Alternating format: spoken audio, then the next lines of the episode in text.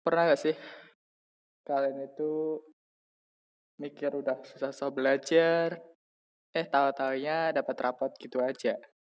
Padahal teman lainnya itu, temanmu, gak pernah belajar, nilai UH jelek, tapi di rapot tinggi nilainya. Eh, kenapa ya bisa begitu? Ingin tahu? Yuk kita bahas di podcast kali ini. Podcast Bumi, podcastnya Pojok Bumi.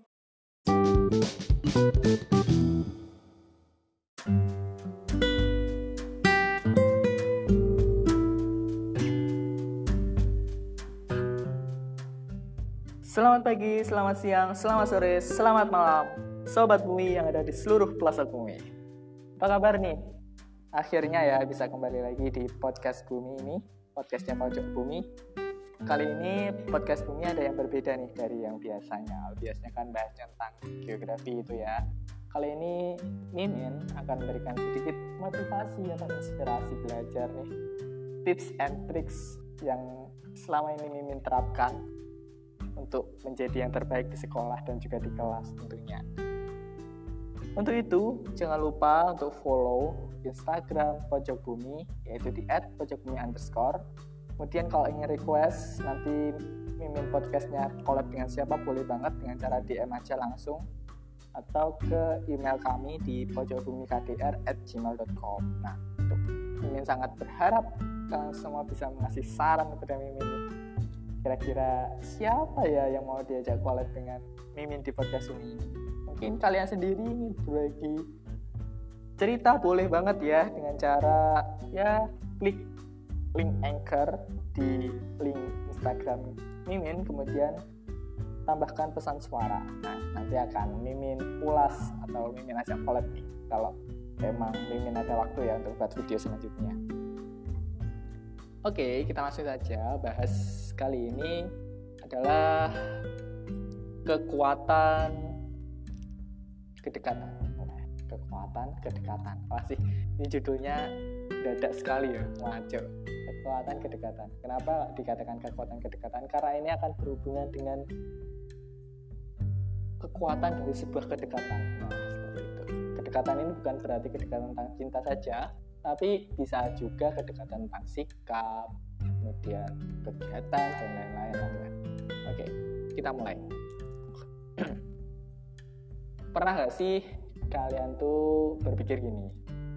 Ah, aku udah lama banget nih belajar, udah belajar mati-matian, tapi di rapot nilainya cuma segitu aja. Nggak naik juga nggak turun, tapi pas-pasan itu. Tapi kok temanku itu dia tuh biasa aja nggak pernah belajar tapi kok nilainya bisa tinggi ya terkadang kita itu memiliki rasa iri ya terhadap orang lain gak apa it's okay kalau iri itu yang asalkan irinya baik misalnya teman kita menang lomba. Eh aku juga ingin lah dapat penghargaan seperti itu. Maju ke kepala sekolah kemudian disambut di upacara sekolah itu itu iri yang bagus. Itu gak apa-apa. Oke oke aja fair fair aja. Untuk mimin ya di kegiatan sekolah itu. Tapi yang nggak boleh itu iri yang buruk. Seperti iri terhadap pemilikan seorang yang ya intinya dengki lah nanti. Nah masalahnya di sini kita tuh terkadang sudah susah-susah payah belajar tapi guru kita memberikan nilai yang masih di luar ekspektasi kita, di luar target kita. Ada beberapa faktor sih ya yang bisa menjelaskan tentang kejadian seperti itu. Mimin sendiri juga pernah mengalaminya. Oke, memang kita ini sebagai pelajar ya, sebagai siswa atau mahasiswa itu belajar itu sudah kewajiban sih ya, harus harus wajib kita lakukan. Jadi mau nggak mau kita kalau ingin mendapatkan nilai bagus, pastilah kita juga harus belajar seperti itu. Tetapi ada faktor-faktor lain ternyata teman-teman. Faktor-faktor lain atau faktor X yang bisa membuat atau bisa menambah nilai itu. Pernah nggak sih guru kalian tuh bilang begini? Ada beberapa guru tuh yang mementingkan nilai dan juga ada yang mementingkan proses. Nah, kalau yang mementingkan nilai itu sudah jelas objektif banget ya. Aduh ini ada dosa tetangga sebelah Oke, jadi kalau mementingkan nilai itu sudah jelas gurunya objektif banget. Gimana kalau nilainya bagus ya dirapot bagus. Kalau nilainya kurang ya sebisa mungkin dikatrol agar cukup untuk memenuhi KKM. Kan sekarang juga ada KKM. Nah, ada jenis guru yang kedua yang mementingkan proses. Nah, ini teman-teman harus cermati nih. Ini adalah triks Kenapa kok guru itu mementingkan proses? Karena bagi guru tersebut nilai itu bukan segala-galanya. Karena apalagi kan sekarang kurikulumnya sudah 2013, Nah, tidak hanya nilai tematik saja, nilai pengetahuan saja, tapi nilai sikap spiritual dan sosial itu sangat diunggulkan. Itu adalah kunci sebenarnya, kunci dari uh, kunci dan juga inti dari topik kali ini. Kenapa saya katakan sikap? Karena seperti ini. Pernah gak sih guru kalian tuh bilang gini? Kalian nilainya jelek nggak apa-apa asalkan kalian hadir di setiap mata pelajaran saya dan memperhatikan setiap saya menjelaskan. Nah, itu adalah salah satu bentuk kriteria dari penilaian sikap kalian nanti nih. Kalau kalian nggak memperhatikan, terus menyepelekan guru, sikap kalian terhadap guru semena-mena, tidak menghormati, walaupun nilai kamu nanti di UH atau di UAS di ulangan akhir semester itu sangat bagus, entah itu kerjaan sendiri atau nyontek, guru itu pasti akan memiliki rasa gimana ya uh, antara percaya nggak percaya gitu loh. Eh ini beneran toh ini gini gini gini seperti itu. Karena dia pernah sakit hati mungkin ya. Mungkin kalian pernah menyakiti hati guru tersebut. Nanti di rapot kalian itu nilainya juga akan apa ya akan seret gitu akan sulit keluarnya untuk mendapatkan nilai tinggi. Berbeda dengan suatu kondisi jika si anak itu nilainya pas-pasan kemudian kalau ada tugas dia mengerjakan kemudian dia selalu memperhatikan absen terus hadir terus dan tidak pernah buat kesalahan nanti di rapot pun jika nilainya pas-pasan sebisa mungkin tuh si guru tersebut pasti akan membantunya membantu si anak itu. Karena selama pelajarannya itu tidak pernah berkesalahan dan selalu menghormati dari guru tersebut. Itu jadi gurunya itu juga merasa kasihan terhadap anak itu. Sebenarnya anak itu bisa anak itu penurut tapi mungkin ada faktor lain yang membuat nilainya itu selalu kurang mungkin seperti itu. Nah berbeda jika anaknya tadi bandel banget gitu loh. Bandel tidak menghormati guru. Guru pun juga ikut bandel. Seenak-enaknya ngasih nilai. Oh dia juga seenak-enaknya mengikuti pelajaran saya. Gurunya pasti juga berpikir seperti itu. Teman-teman pernah sih ya ngalami seperti itu? Itu banyak banget sih. Hampir setiap jenjang ya dari SD, SMP, SMA itu pasti ada. Mungkin kuliah juga ada. Nah solusinya gimana kalau aku sih ya untuk masalah seperti itu ya ya udahlah. Kita harus adaptasi dengan guru. Jangan guru yang harus beradaptasi dengan kita tapi kita harus beradaptasi dengan guru. Jadi kalau aku nih ya aku tuh agar mendapatkan nilai tinggi biasanya aku mulai dari pertama kali masuk kali masuk kelas baik itu di kelas baru kelas satu baru kelas dua baru atau kelas tiga baru. Itu akan aku mulai dari itu karena ada pepatah yang meng yang mengatakan jatuh cinta pada pandangan pertama dan juga kita harus memberikan first impression itu harus yang baik. Ada yang mengatakan itu. Itu adalah benar banget teman-teman jadi jatuh cinta pada pandangan pertama itu sangat diperlukan bagi seorang guru terhadap muridnya, begitu muridnya untuk seorang guru. Jika kita pertama saja memberikan first impression yang baik terhadap guru tersebut, nanti cara sendirinya dengan sendirinya si guru tersebut itu akan memberikan hal lebih kepada kita di seterusnya.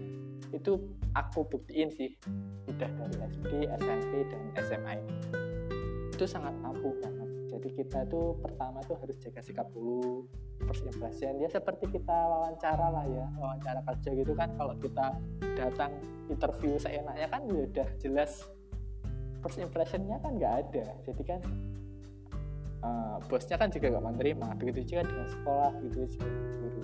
Jadi first impression itu sangat diperlukan. Ya biasanya kan anak-anak baru kan masih nurut banget gitu tuh pertama itu first impression harus bagus. Kemudian kita harus kalau bisa kita nah ini setelah first impression bagus kita jalin tuh kedekatan keakraban keakraban di sini dalam artian kita tetap menghormati ya sebagai guru. Nah kita bangun tuh relasi antara murid dan juga guru. Kita, kita bangun. Kalau udah terbangun lama-lama kan guru jadi mudah enak kan? Enak kan dengan kita? Kita diskusi dengan beliau juga enak beliau dengan kita juga enak. Jadi saling-saling menguntungkan. Terus kalau ada pertanyaan tuh kalau kalian ditunjuk atau disuruh menjawab jangan sekali-kali menolak. Karena kan berakibat fatal ya walaupun gurunya itu nggak pernah ngomong langsung atau langsung marah eh disuruh kok nggak mau gitu? Itu nggak akan bilang seperti itu tapi gurunya tuh punya catatan sendiri buat itu dari pikirannya. Dan pasti akan ingat dengan wajah kalian.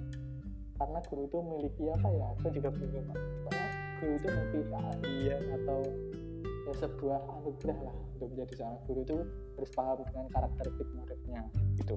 Jadi kalau ada tugas itu sebisa mungkin walaupun kamu nggak bisa jangan kamu tolak.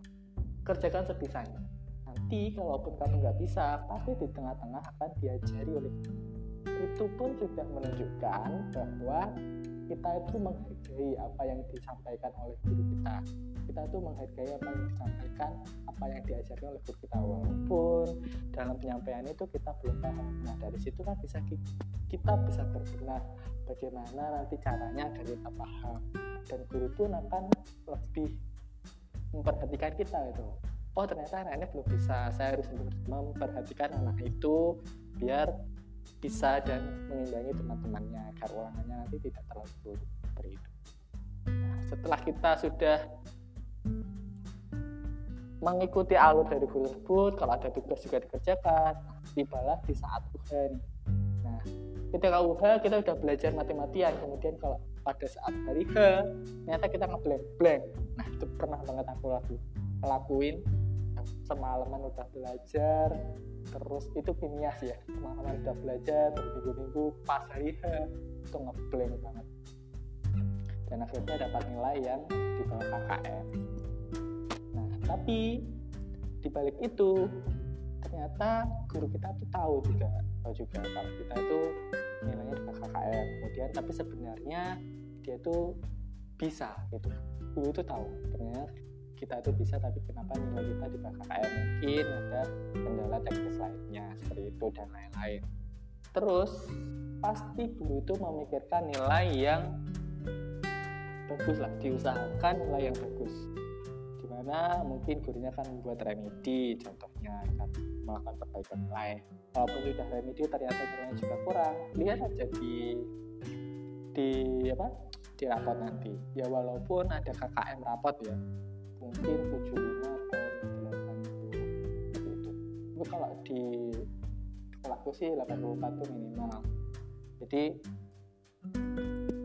guru itu pasti memberikan nilai yang bisa dibilang itu dikatrol itu bisa dibilang dikatrol bisa dibilang dikatrol yang pasti akan menguntungkan kita walaupun mungkin kita di semasa pelajarannya itu kurang itu jika kita jika kita apa mengikuti alur. Tapi kalau kita dari awalnya udah ugah-ugahan seperti itu ya nanti nilainya juga ugah-ugahan gurunya.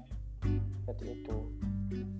Jadi penting banget hubungan antara murid dan juga guru. Jadi intinya sih kalau dari pembahasan mimin sepanjang itu tadi. Intinya kita harus jaga relasi antara murid dan juga guru. Kita harus menghormati gurunya. Kita harus memberikan first impression bahkan kalau bisa jangan first impression saja tapi selama kita belajar di sekolah tersebut kita harus memberikan impression yang baik kepada seluruh guru walaupun kita tidak diajar kalau kita memberikan impression yang baik pada seluruh guru nanti akan kita akan mendapatkan hasil yang juga lebih baik. Karena guru itu ibarat orang tua kita yang ada di sekolah. Apa pun yang dilakukannya pasti untuk kebaikan kita. Oke? Nah kira-kira memberikan inspirasi atau malah menyesatkan inspirasi?